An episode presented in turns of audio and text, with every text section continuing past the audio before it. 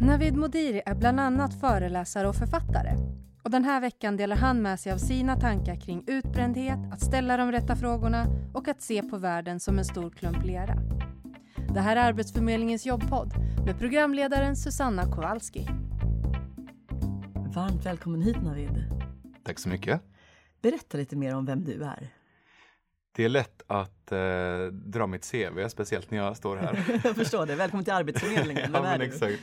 Jag eh, gillar att beskriva mig själv, eller kanske presentera mig själv eh, med en stor dos eh, nyfikenhet och lekfullhet. Jag har mm. alltid varit väldigt eh, angelägen om att förstå hur världen funkar, hur allting hänger ihop och varför människor beter sig som de gör.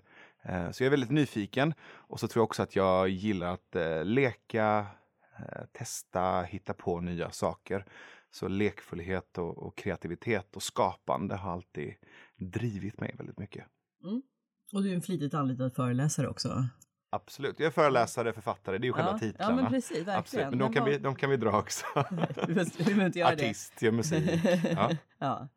Ja, vad spännande. Och idag kommer vi prata lite mer om hur, men hur man kan söka jobb eh, om man inte alltid har så mycket energi till mm, exempel. absolut. Eh, jag vet att du har varit utbränd mm. eh, och kommit ur det. Mm. Ehm, eh, hur kom du ur det? Hur, var det liksom en, en svår väg ut ur utbrändheten? Eller? Vilken av gångerna? Ja, jag förstår. Ja, berätta själv.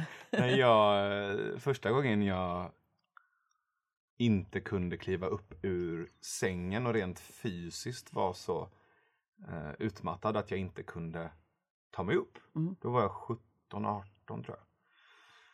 Och den känslan var så ny, jag förstod inte riktigt vad den handlade om. Men jag mm. inser ju i efterhand att med tanke på att jag eh, ovanpå det vanliga pluggandet också hade mina engagemang inom elevorganisationen, Djurens Rätt, FNs ungdomsförbund och också uh, var poet och var ute och läste dikter. Mm. Och, så förstår jag i efterhand att det, ja, det var första vändan. Det var, det var inte så konstigt att det hände där och då.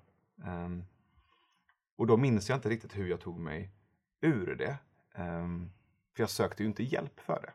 Då, då var det ingen som egentligen fick veta vad som hade hänt. Utan jag försökte tyst och stolt lösa det själv. Och vara mm. liksom självständig och inte vara någon annan till last. Mm. Inte vara en börda för någon annan person. Mm. Och sen så har det hänt igen två, tre gånger. För mig har enda sättet att komma ur det varit att komma hemifrån till att börja med. Okay. Att inte ligga kvar i sängen, att inte vara kvar hemma att få stöd av dem runt omkring. Mm. Eh, men inte att någon tycker synd om utan att no människor runt omkring mig snarare hjälper mig att komma ut och komma vidare och lägga fokus på någon annan än en själv. Mm. Jag tänker att många som eh, eh, söker jobb. Man behöver inte vara utbränd för det givetvis, men också kan hamna i ett tillstånd av att det är svårt att ta sig för, för man har inte de här vanliga rutinerna man haft tidigare och mm. man kan känna att man kan bli nedstämd till exempel. Mm. Så, och det mm. är ju någonting som eh, kan vara bra just då, att få, få hjälp från andra att komma igång. Absolut, jag. Mm. absolut. Och jag tror att både när du är nedstämd eller känner dig utsatt för att du söker jobb Eh, men också om du är utbränd eller deprimerad. Jag tror att en av de största anledningarna till att du tappar energi, eller att jag i de situationerna har tappat energi, mm. det är för att jag känner mig dålig och ensam. Just det.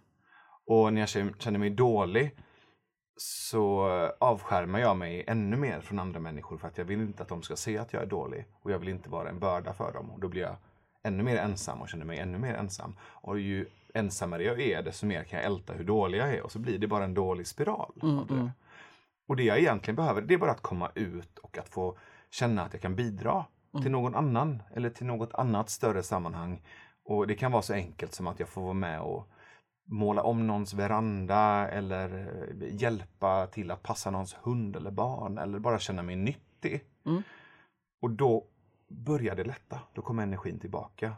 Jag har aldrig fått tillbaka min energi efter en utbrändhet av att vara hemma och inom citationstecken vila. Mm. Det blir bara värre. Just det. För att det blir isolerat. Mm. Men då behöver man själv aktivt sträcka ut en hand och, och berätta att man vill måla den där verandan Ja. kanske eller, eller Men det är det som är så jäkla svårt också. Där och då Ja. är du inte, Nej, du är inte nykter. nej. Att där och då sträcka ut en hand och säga, vet ni vad? Nu kanske jag verkar vara isolerad och ta avstånd från er. Egentligen behöver jag bara att någon kommer hit och du säger Ja, en sån nej. grej. Ja, det är svårt att säga hej Facebook, jag känner mig ensam, Ja. hjälp mig. Men man kanske kan... eh, Speciellt när Facebook är fullt av allt det här skyltfönsterskrytet där vi berättar om hur många surdegsbröd vi har bakat och hur duktiga vi är på att uppfostra våra barn och vilka karriärsteg vi Ja. har tagit framåt och uppåt. Och, och det är väldigt skrytigt ja, ofta. Ja, Och då är det klart att jag inte vågar berätta om att jag mår piss och inte har en aning om vad mitt nästa jobb ska vara. precis. Men man kanske kan fråga om, om, om någon vill hitta på något. Mm. Och så tar man det liksom steg för steg i sin närmaste bekantskapskrets. Men absolut. Så, ja. absolut. Mm. Men också, jag tror att vi kan bli bättre på att hjälpa varandra att skapa kanske ett mänskligare Facebook eller att skapa mer eh, möjlighet att träda fram i, Mm. i sin sårbarhet eller i sin litenhet på, på, Mm. på Facebook också. Ehm, men det är, mm, det, det är inte helt lätt. Nej, verkligen inte. Men idag då, hur hittar du energi? Eller finns det en risk, känner du, att du skulle kunna hamna i utbrändhet igen? Jag tror att det är bra att vara medveten om att om du har hamnat där innan, inte vara naiv och dum och tro att du inte kommer hamna där igen. Mm. Men anledningen till att jag har energi idag är för att jag aktivt och nästan på daglig basis tänker på att inte boka på för mycket. Att tacka nej till saker. Och nu jobbar jag ju med människor, jag har människor runt mig och i mitt team som jobbar med mig och ser till att jag inte ens svarar på vissa mejl, att jag inte får lov att ta ställning till vissa saker. Jag är så himla lätt entusiasmerad och har ett ganska så lättsmickrat ego så jag tycker ju att det är kul att jag blir tillfrågad och då ska jag ju såklart hoppa på Mm. varenda liten grej. Och det ska jag ju inte. Dels är jag inte kompetent för att hoppa på varenda grej. Dels så har jag inte tid med det och ska inte göra det. Jag ska också ha tid där jag inte gör någonting överhuvudtaget och bara vilar och hänger med vänner och familj och tränar och du vet, sover. Mm. Ehm, så det, det behöver jag träna på konstant. Mm. Mm. Jag vet att du brukar prata om effektiva versus kreativa rum. Mm. Vad, vad innebär det? Har det med, med det här att göra? Just hur, hur ja, den kreativitet du besitter och hur du arbetar med den? Jag får mina bästa idéer när jag har tråkigt. Och det märker jag på min dotter som snart är åtta år gammal också att hon får. Så när hon kommer till mig en lördag och säger pappa jag har tråkigt så säger jag grattis. Vilken lyx. Och det är klart att hon kanske inte är i tillstånd och uppskattar det där och då. Men så går hon iväg och surar och så kommer hon tillbaka och så säger hon men kan jag få ta iPaden? Nej, det behöver vi inte just nu. Nej. Så går hon till, iväg igen, så går hon tillbaka. Men får jag, får jag leka eller spela på din mobil? Nej, inte just nu. Och sen så går hon tillbaka ett par gånger, sen så, sen så är hon borta och så är hon tyst. Två, tre timmar. Och då kommer jag in och då har hon byggt saker. Då har hon hittat på och du vet, lyft ur alla spelpjäserna ur alfabetslådan och byggt en ny spelplan där du både kan skapa ord och gå runt spelplanen och eh, döda monster samtidigt. Ja, det är klart att det kommer ur att hon inte hela tiden är effektiv i form av att ta in och läsa och titta på och bli utsatt för intryck. Så när allt det här bruset försvinner så finns det där under en skaparglädje och en kreativitet i oss alla. Och då börjar vi hitta på saker. Mm, just det. Så att när vi är i de här effektiva rummen där målet är att göra så mycket som möjligt, som de flesta arbetsplatser är designade för, Mm. då har vi inte så mycket plats för kreativitet. Och en av de vanligaste frågorna jag får när jag är ute och föreläser om kreativitet eller hjälper företag att bli mer kreativa, det är att de frågar mig, men Navid, hur, hur ska vi bli mer kreativa på vår arbetsplats? Ja, gå därifrån. Alltså, ni har byggt den här fabriken eller den här arbetsplatsen för att det ska vara så effektivt som möjligt. Så ett sätt att bli mer kreativ är att lämna den platsen. Gå Mm. till en annan plats till att börja med som inte är designad för att det ska gå snabbt och fort och göra så mycket som möjligt samtidigt. Just det. Mm. Eh, Och när du frågar människor var de får sina mest kreativa idéer så är det ju när jag är ute och joggar, när jag är på promenad med hunden, på bussen, i badet, på baren, strax innan jag somnar. Det är ingen som svarar på jobbet. Mm. Alltså människor får mer kreativitet när de nästan är halvt medvetslösa precis innan de håller på att somna än de får på sin arbetsplats. Mm. Och det är väldigt sällan det kommer upp riktigt bra idéer i ett konferensrum på post-it-lappar under 20 minuter. Det kan jag hålla med om. Jag var precis på ett sånt möte nämligen.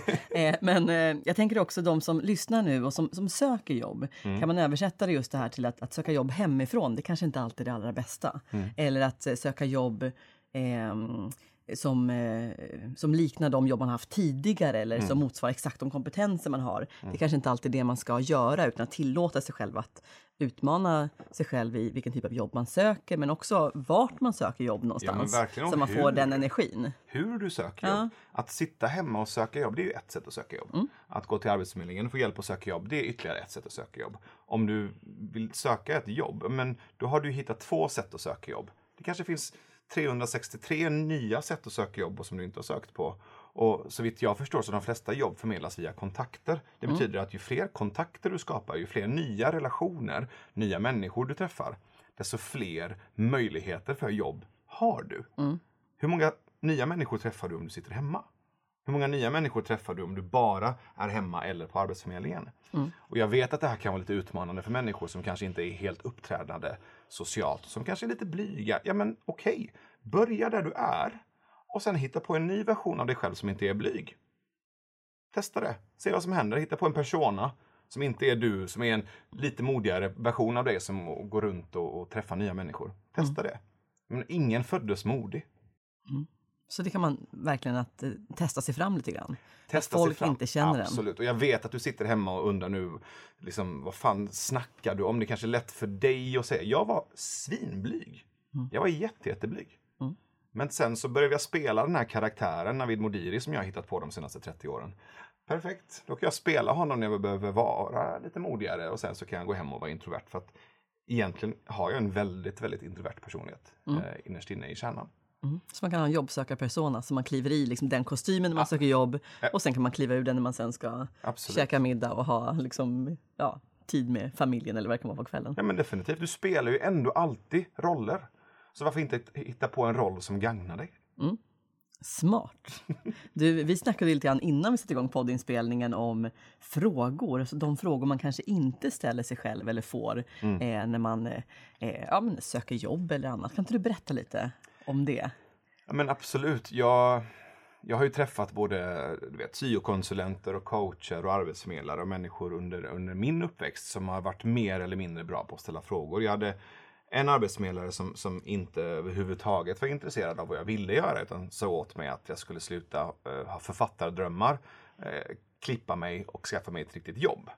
Och sen så bytte jag arbetsförmedlare, för det kan man göra också. Och så fick jag en fantastisk arbetsförmedlare som frågade mig vad älskar du? Vad brinner du för? Och vad är du beredd att göra för att uppnå den drömmen? Och hon såg till att jag löste det genom att få en praktikplats på Göteborgs-Posten.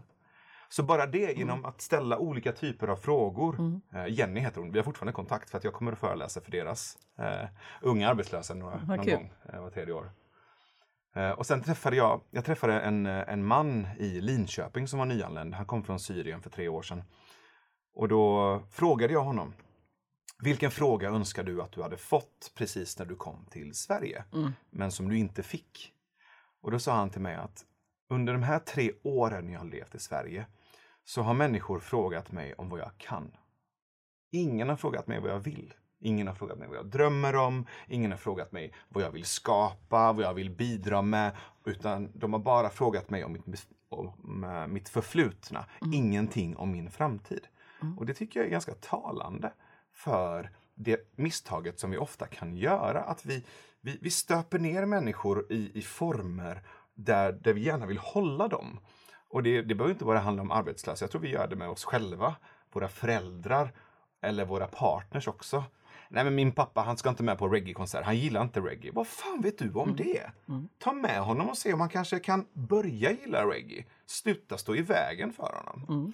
Så jag tror att det finns lite av det här, du vet, det gör ju ont eh, att utvecklas. Det gör ju ont att ta nya steg. Och då vill vi gärna skydda oss ifrån det genom att säga att det är si eller så. Eh, den här personen kom från det här landet. I det här landet så eh, känner de bara till och eh, är kompetenta inom jordbruk. Jo, men just nu ja. De kom till Sverige just nu och de kan jordbruk. Och visst, de är analfabeter. Betyder det att de alltid ska vara det? Nej, det betyder att man kan lära sig nya saker. Så se den här personen som en kompetent och växande varelse. Och som min kompis Ashkan brukar säga, anspråksgör dem. Mm. Smart. Att ställa sig frågan då till sig själv också, vad vill jag? Jag ställde ju frågan till dig när du kom nu, att vad, eh, ja, men berätta vad du gjort tidigare. Och du sa att du vill inte, vill inte rabbla ditt CV. Mm. Men det är ju ett klassiskt misstag från mig egentligen. För att ja, det du har gjort behöver inte betyda att det är det du ska göra framöver heller. Man placerar ofta folk i olika roller och mm. har förväntningar utifrån vad du säger att du har gjort. Mm. Så förväntar jag mig att då kommer du leverera det här. Men det mer intressanta är ju faktiskt vad du, vad du vill. Jo, men för mig har det också varit så när jag var liten, min dröm var ju att jag ville bli författare och uppfinnare författare och uppfinnare. Min dotter hon, hon, hon fick det här lite så här fel, hon hörde fel. Så hon sa att hennes pappa skulle bli uppfattare och förfinnare. och, och det har jag ju drömt om hela mitt liv. Men nu släpper jag min debutbok. Alltså det här är min första riktiga bok som jag släpper nu i höst. Så fram tills nu har jag gjort en massa andra saker. Så visst, planen var att jag skulle bli författare. Men sen har jag ju liksom gjort tusentals andra saker fram tills nu. För att det hela tiden funnits en öppenhet för att jag har ingen aning om vad som skulle kunna inträffa och vad som skulle kunna hända. Utan jag försöker vara öppen för att eh, jag har fel i min plan också. Mm. Så planen finns där hela tiden men det kan ju ske andra saker också om du, om du öppnar upp för det. Det kan bli väldigt mycket mer spännande då också. Ja, lite läskigare också såklart. För du släpper ju lite av den här eh, kontrollen. Men kontroll är ändå bara en illusion. Du har ju ingen jävla kontroll. Man får gå in i den här personen som du nämnde. Försöka vara lite modigare kanske och se vad, vad händer om jag eh, agerar på ett annat sätt än jag brukar? Mm. Se om man får andra resultat då kanske. Absolut. Mm. Du, slutligen, är det någonting som du vill passa på att lägga till? Till, eh, till de som lyssnar nu och sitter där hemma och, och, och söker jobb och funderar på det här som du har nämnt nu kring kreativitet och att ta sig utanför liksom det, det man är van vid att, eh, men, eh, eh, ah, att söka jobb på andra sätt, i andra miljöer. Så. Jag tror så här, en, en, eh, en idé som har hjälpt mig är att se på världen som en stor klump lera. Och tänk dig att den här leran är formbar. Du är formbar, alla runt omkring dig är formbara. De titlar och de yrken som finns idag, de kommer inte existera om 30, 40, 50 år. Så allt det du ser runt omkring dig, det är bara play-doh. Det är bara lera. Och fråga dig själv, vad vill du göra av det här? Hur vill du forma det här? Och det är det ena perspektivet, att lek mer med verkligheten. Ta inte verkligheten på så stort allvar. För att den verkligheten som vi ser idag, det är resultatet av gångna generationers drömmar. Och sen sitt inte hemma. Jag vet att det kan kännas eh, lätt eh, eller bekvämt att sitta hemma och googla och söka jobb eller, eller gå till Arbetsförmedlingen och söka jobb där. Gör inte bara det, utan försök hitta nya sammanhang, hitta nya människor och se den här perioden när du är arbetslös. Jag vet att det här kan vara jätteprovocerande att höra, men det här är en sån otrolig möjlighet att vara förvirrad och inte veta vem du är. Perfekt! Hitta på en ny version. Hitta på, liksom, hitta på en 3.0, en 4.0 version av vem du skulle kunna vara framöver och passa på att växa mitt i det här totala kaoset och förvirringen som du är i. Och träffa så mycket nya människor som möjligt, prova så mycket nya saker som möjligt och se vad som kommer ut i andra änden. Utmärkt. Tack så jättemycket för att du kom hit Navid. Tack snälla. Du har lyssnat på Arbetsförmedlingens jobbpodd med föreläsaren Navid Modiri och programledaren Susanna Kowalski. Inspelningsansvarig var Jonas Kowalski. Nu tar Arbetsförmedlingens jobbpodd juluppehåll, men vi är tillbaka den 8 januari med nya intressanta avsnitt. Vi vill önska dig en god jul och ett gott nytt år.